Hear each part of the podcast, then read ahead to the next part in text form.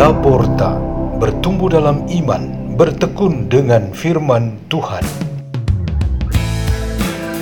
Radio Laporta, pintu terbuka bagimu untuk pertumbuhan pengetahuan dan kebijaksanaan tentang Allah.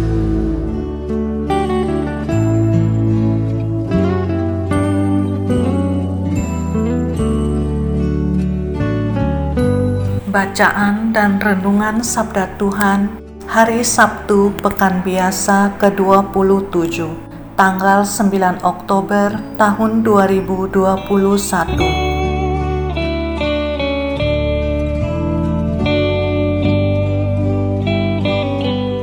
dibawakan oleh Suster Veronica Kusnadi, FMA, dari komunitas Suster Salesian di Jakarta, dan Franti dari Gereja Santa Odilia, Paroki Citra Raya, Keuskupan Agung Jakarta.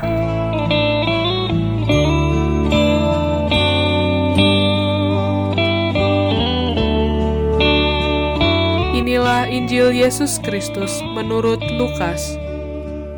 Pada suatu hari, ketika Yesus sedang berbicara kepada orang banyak, berserulah seorang wanita dari antara orang banyak itu dan berkata kepada Yesus, "Berbahagialah ibu yang telah mengandung dan menyusui engkau."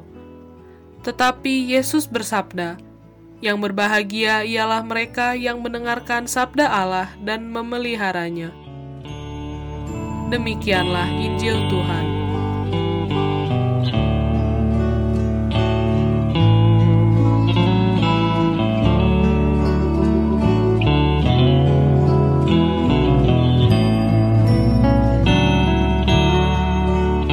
Tema renungan kita pada hari ini ialah efek-efek pujian. Ada dua anak SD berteman akrab, yaitu Raymond dan Ronald. Rumah mereka berdekatan. Raymond adalah seorang anak ceria, gerakannya lincah dan pandai bergaul. Sedangkan Ronald justru sebaliknya guru mereka menemukan rahasia sikap kedua anak tersebut yang sangat berbeda, yaitu Raymond selalu didukung dengan pujian oleh orang tuanya, sedangkan Ronald selalu dihina dan disiksa oleh orang tuanya. Apa saja efek pujian itu? Pertama, pujian membuat seseorang sangat antusias bahkan ambisius karena ia sangat memerlukan demi penonjolan diri. Ini terjadi pada orang-orang yang punya tingkat kesombongan di atas rata-rata. Mereka yang haus pujian tidak tenang hidupnya karena dikontrol oleh pujian-pujian. Mereka harus banyak bersandiwara untuk tampil tanpa celah orang-orang Farisi dan ahli Taurat berada dalam kategori ini, dan Yesus Kristus bersikap tegas terhadap mereka. Kedua, pujian memotivasi seseorang untuk meningkatkan diri, usaha, dan hasil-hasil karyanya. Murid-murid, orang muda, atau mereka yang sedang berjuang pantas mendapatkan pujian seperti ini. Mereka dapat berkembang, berubah, dan menciptakan sesuatu yang baru jika diberi pujian-pujian supaya semangatnya terangkat dan kinerja meningkat. Yesus memperlakukan para rasul, anak-anak, orang miskin dengan cara ini. Ketiga, dengan pujian, seseorang menegaskan diri dalam kebenaran, kebaikan, cinta kasih, pelayanan, dan keutamaan hidup yang semuanya menyatu dengan identitasnya.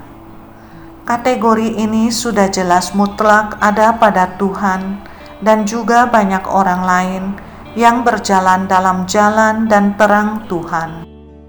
Tuhan tidak berubah menjadi apa dan bagaimana kalau dipuja-puji. Ia tetap saja ada di singgah sananya di Sion. Demikian kata Nabi Yoel di dalam bacaan pertama hari ini. Yesus Kristus dipuji melalui pujian yang ditujukan kepada Bunda Maria yang telah melahirkannya. Bunda Maria dipuji karena menjadi bagian dari Yesus, dan banyak di antara kita mendapatkan pujian karena hidup seperti Kristus mereka tidak pernah berubah mengikuti keinginan yang memuji, tetapi mereka tetap mengikuti jalan Tuhan. Pujian-pujian itu lebih bertujuan untuk menyebarkan kebenaran dan kebaikan yang mereka tunjukkan, supaya dunia ini diharapkan dipengaruhi untuk berubah menjadi lebih baik lagi. Kalau menghubungkan antara diri Anda dengan pujian-pujian, posisimu ada pada kategori yang mana? Marilah kita berdoa dalam nama Bapa dan Putra dan Roh Kudus. Amin. Bapa yang baik, rahmatilah kami pada hari ini dengan karunia kesahajaan dan rela berkorban supaya kami dapat menjadi saksi-saksi kerajaan-Mu di tempat kami berada dan bekerja.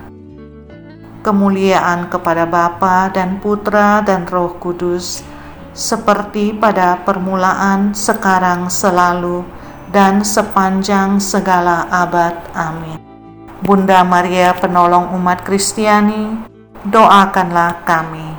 Dalam nama Bapa dan Putra dan Roh Kudus. Amin. Radio Laporta, pintu terbuka bagimu.